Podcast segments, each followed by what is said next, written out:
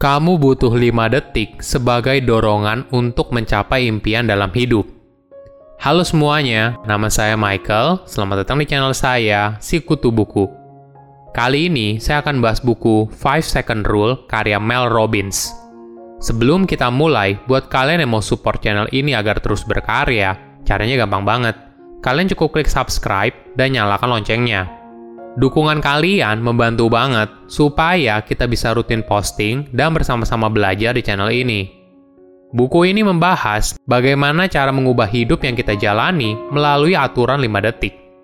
Mungkin beberapa orang tahu apa yang mereka inginkan dalam hidup.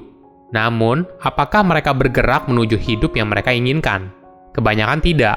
Kita butuh sebuah dorongan kuat yang membuat kita untuk bergerak Rahasia untuk merubah hidup bukan mengetahui apa yang kamu mau, tapi mengetahui bagaimana caranya membuat diri kamu mengerjakan hal tersebut. Cara sederhananya bisa dengan menghitung mundur dari 5, 4, 3, 2, 1, dan kerjakan. Saya merangkumnya menjadi tiga hal penting dari buku ini. Pertama, aturan 5 detik dalam hidup. Kehidupan Mel berubah saat bisnis restoran suaminya berputar dari yang awalnya sangat sukses menjadi gagal total karena beberapa keputusan bisnis yang beresiko. Mereka terancam kehilangan semua yang telah dibangun dengan susah payah seumur hidupnya. Kejadian ini membuat dirinya tiba-tiba sulit untuk bangun dari tempat tidur. Ketika alarmnya berbunyi di pagi hari dan Mel tahu apa yang harus dilakukan, yaitu bangun dan mengantar anak-anaknya ke sekolah, dia malah melakukan hal sebaliknya, dia terus menekan tombol snooze lagi dan lagi. Tak jarang juga, setiap malam Mel berbaring di tempat tidur dan memikirkan apa yang harus dilakukan. Dia perlu mendapatkan pekerjaan agar mereka mampu membayar tagihan yang mulai menggunung.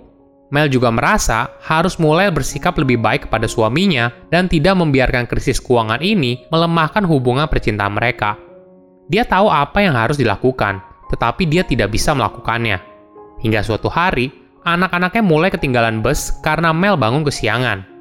Kejadian ini membukakan mata Mel untuk berubah. Dia tidak bisa lagi hidup seperti ini. Jadi, keesokan paginya, alih-alih mematikan alarm dan tidur kembali, Mel menghitung dalam hati 5, 4, 3, 2, 1. Tindakan sederhana ini mengalihkan fokusnya dari rasa cemas yang menyelimutinya setiap pagi dan memusatkan perhatiannya pada pekerjaan yang harus dikerjakan. Ini adalah cara Mel untuk memutus rantai kebiasaan buruk dan mulai menjalani hidup dengan lebih baik. Aturan 5 detik adalah sesuatu yang dikembangkan oleh Mel untuk membuat dirinya bergerak melakukan sebuah kegiatan yang tidak ingin dia lakukan. Mel pernah berada pada posisi di mana dia sebenarnya tahu apa yang harus dikerjakan, tapi sepanjang hari malah tidak dikerjakan. Inilah yang membuat Mel sadar kalau mengetahui apa yang harus dikerjakan saja tidak cukup, kita butuh sesuatu yang buat diri kita langsung bergerak. Mel berpendapat, kalau kita menunggu motivasi yang muncul, sayangnya tidak akan muncul. Jadi, jika kamu tidak segera melakukan apa yang harus kamu lakukan, setahun kemudian kamu bisa saja masih berada di tempat yang sama.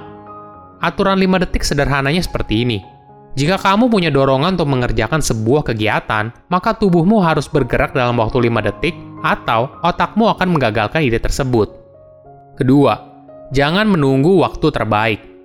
Kapan waktu terbaik untuk mulai makan sehat? Sekarang. Kapan waktu terbaik untuk mulai berolahraga? Sekarang. Kapan waktu terbaik untuk mulai menabung? Ya sekarang. Perubahan dalam hidup mengharuskan kamu untuk membuat keputusan. Biasanya, kita selalu menunda dengan mengatakan pada diri sendiri bahwa hari ini bukanlah hari yang tepat. Akhirnya, hidup kamu tidak akan pernah berubah karena selamanya menunggu saat yang tepat untuk tiba. Jadi, bagaimana kalau kita coba perspektif yang berbeda? Alih-alih menunggu, bagaimana bila momen ini menjadi momen yang kamu tunggu? Gunakan aturan 5 detik sebagai alat yang memungkinkan kamu membuat pilihan yang selalu ingin kamu buat.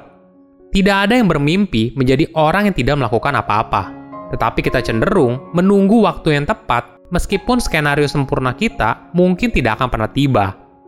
Kecenderungan ini bukan hanya terjadi pada kebanyakan orang, bahkan yang paling berbakat di antara kita, membutuhkan dorongan untuk berada di jalur yang benar. Steve Wozniak, salah satu pendiri Apple, berada dalam ketidakpastian setelah dia dan Steve Jobs ditawari pendanaan untuk memulai bisnis mereka sendiri pada tahun 1977. Wozniak ingin menunda tawaran ini sementara waktu dan khawatir apabila dia harus berhenti dari pekerjaannya. Namun teman-temannya berhasil meyakinkan dia untuk mengambil tawaran tersebut dan sisanya sejarah yang membuktikan hasilnya seperti apa. Coba bayangkan, bila Wozniak memilih untuk menunggu waktu yang tepat, mungkin dia tidak akan sesukses sekarang.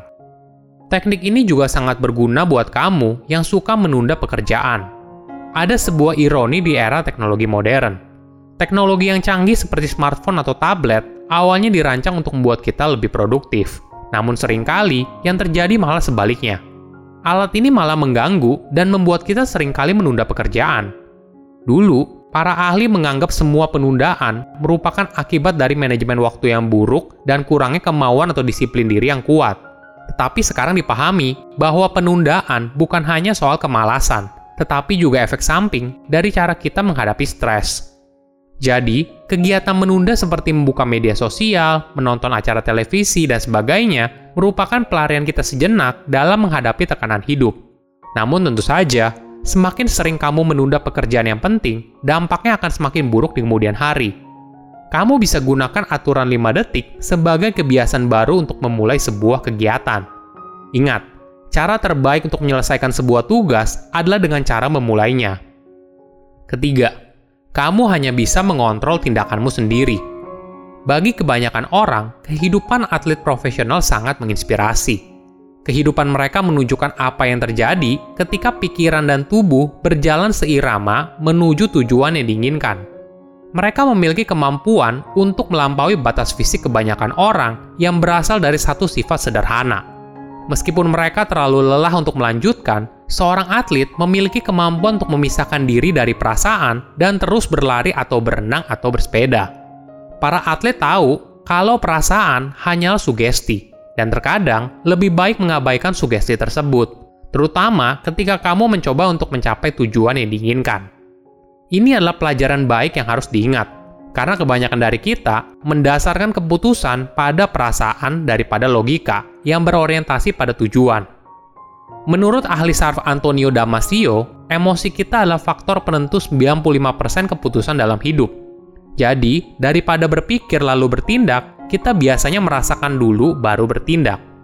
Karya ilmiah Damasio juga menegaskan kalau manusia bukanlah mesin berpikir yang merasakan, melainkan mesin perasa yang berpikir.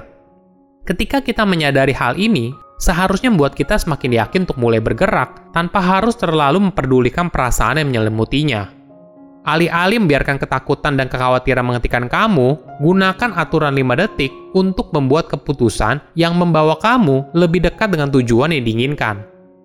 Kita tidak bisa mengontrol apa yang kita rasakan, namun kita bisa memilih bagaimana untuk bertindak. Satu keputusan sederhana akan mengubah hidupmu secara signifikan. Silahkan komen di kolom komentar pelajaran apa yang kalian dapat ketika baca buku ini. Selain itu, komen juga Mau buku apa lagi yang saya review di video berikutnya? Saya undur diri, jangan lupa subscribe channel YouTube Sikutu Buku. Bye-bye.